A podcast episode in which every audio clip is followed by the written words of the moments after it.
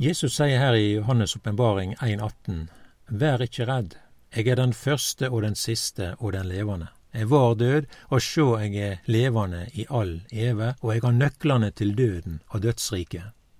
Og Dette der er jo store og truverdige ord, og det å være en kristen er å være i følge med en oppstått frelser. Jesus var død, han betalte med livet sitt på Golgata, han ga sitt liv.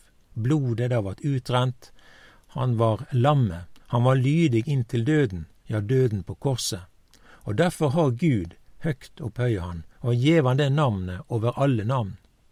Og vi kan òg lese her i Åpenbaringen 1.5, da står det at òg fra Jesus, det truverdige vitne, den førstefødte av de døde, og herskeren over konger på jorda, han som elsker oss og løyste oss for syndene våre med sitt blod. Jesus, han er det truverdige vitne. Og det betyr at du kan stole på Jesus. Og vi kan sjå og etter Altså, er, er det noen grunn til å tvile på Hans ord? Altså, er det noen grunn til å Er det, er det ting som er sagt eller gjort som det er grunn til å sette spørsmålstegn ved? Vi vil ikke finne noe ved Jesu holdning eller det han har sagt eller det han har gjort, som setter tvil med Jesus som det truverdige vitne. Ingen er som Jesus. Det han har sagt, det har han lova og stå ved. Jesus er ikke noe død religiøs leder. Han var død. Men Jesus han er større enn døden. Døden har ingen makt over Jesus. Jesus han har nøklene til døden. Og det betyr at Jesus har makta. Men leste også her at Jesus er herskeren over kongene på jorda. Og på denne måten har det vært sagt slik, sant, så ja, sånn om Jesus her i Johannes' åpenbaring. Og Vi kan òg vite at det som står i denne boka, det er å løfte fram Jesus som den krossfestedes triumf. Det er mannen med de naglemerkte hender, de frelsende hender, hender som innbyr. Og det er jo de som prøver å nedkjempe Guds rike, men det går ikke.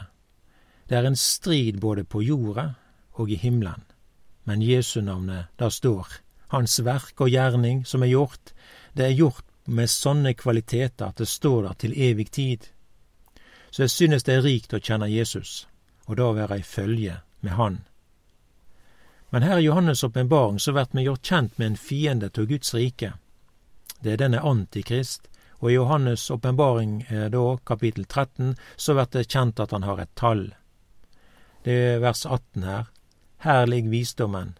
Den som har vet, lat han rekne ut tallet for dyret, for det er tallet for et menneske, og tallet for det er 666. Det er mange tall i Bibelen, og her får vi vite da tallet for Antikrist. Det er tre sekstall. Sekstallet i Bibelen det er tallet for mennesket. Antikrist vert aldri noe meir. Tallet for Gud det er sjutallet. Det er tallet for det evige, det avsluttende, det heilhetlige og det fullkomne. Det vert ingen slik som Herren. Men her bruker djevelen og den falske profet alle mulige knep for å kopiere Gud. Og Det er det vi ser her i Åpenbaringen 13. da. Og i dette kapitlet da, så er det et dyr som kjem fra havet, og det er et dyr som kjem fra jorda. Det står her i vers 1 at jeg så et dyr stige opp på havet, det hadde ti horn og sju hovud, og på horna sine hadde det ti kroner, og på hovuda sine hadde det spottenavn. Og dette havet som er omtalt her, da, da tror jeg er folkehavet.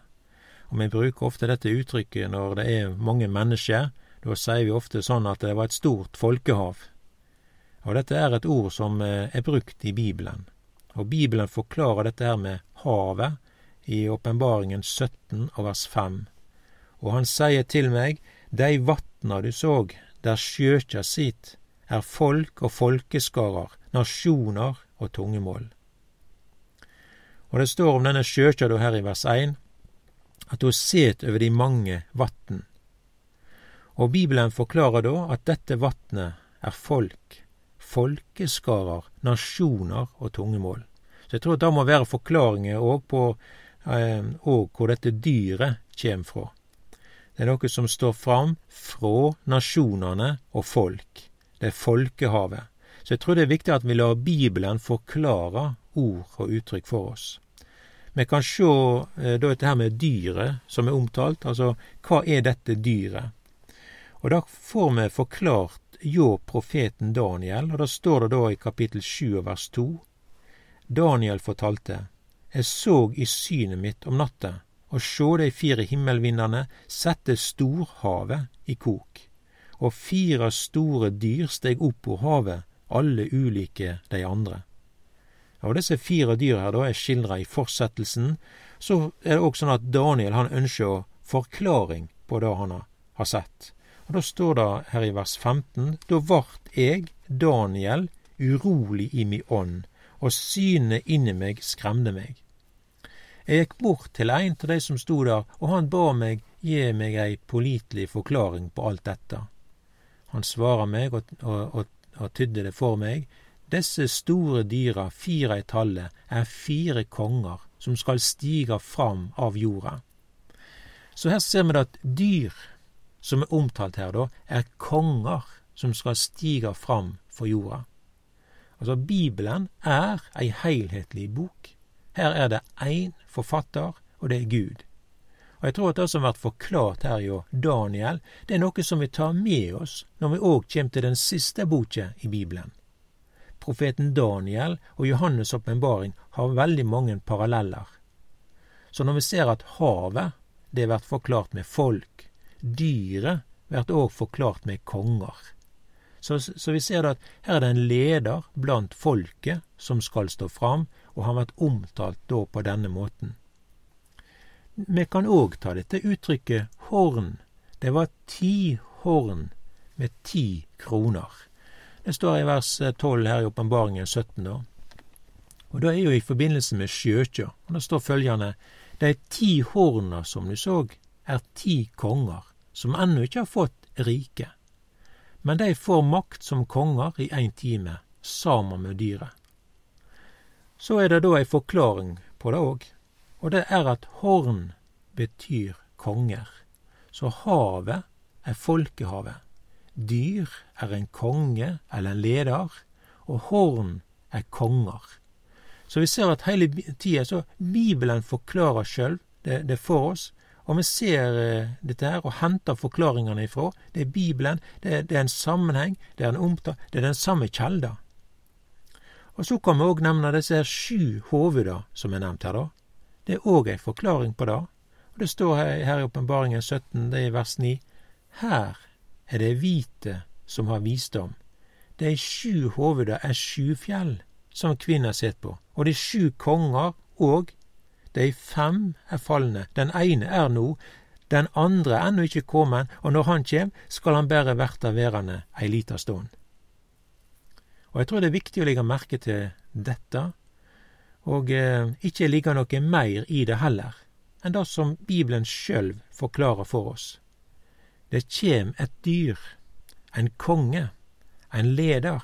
Han kjem fra nasjonane, riker og tungemål, han står fram for folkehavet. Denne lederen vil stå fram i et rike. Det er en nasjon, denne lederen er antikrist. Og da å være leder, president, minister eller hva ledernavn en måtte ha, så er det noe som blir gjeve deg. Det er folkets tillit som blir gjeve en leder. Så leser vi da her i Johannes' åpenbaring og at det er en anna som leder som er omtalt. Eh, han står fram for jorda. Den første dyret, eller lederen, står fram for havet. Her er det da en som kjem ifra jorda. Det står i vers 11. Og jeg så et anna dyr stige opp over jorda. Det hadde to horn, liksom et lam, men taler som en drage. Det bruker all makt til det første dyret for øye på det, og det gjør at jorda og de som bor på henne, tilber det første dyret det som fikk ulivssåret sitt lekt. Så vi ser at det er to dyr her, og vi kan gå til Johannes' åpenbaring, der det skiller at dyret kjem fra avgrunnen. Det er i vers 8 i denne åpenbaringen 17. Dyret som du såg det var og ikke er, og det skal stige opp utor avgrunn og går mot undergang. Og de som bor på jorda, de som ikke får været vårt grunnlag, har navnet sitt skrevet i livsens bok, de skal undre seg når de ser at dyrene, dyret var og ikke er, og skal komme att. Så vi leser at det er to dyr, og det har noe med at her er det en leder.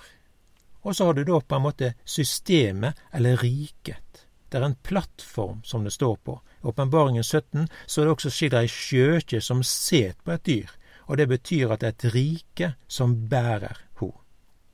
Og Når vi da leser om to dyr, så er det antikristen og hans system.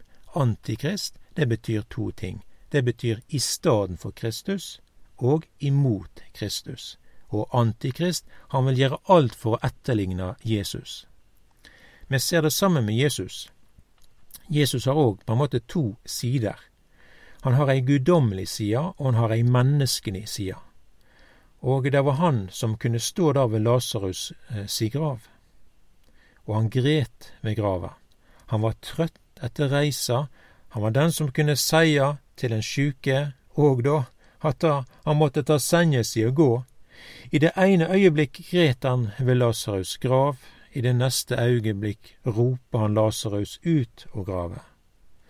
Han var den som kunne ligge og søve i båten på grunn av at han var trøtt, men i neste øyeblikk byr han vinden og sjøen at den skal være stille.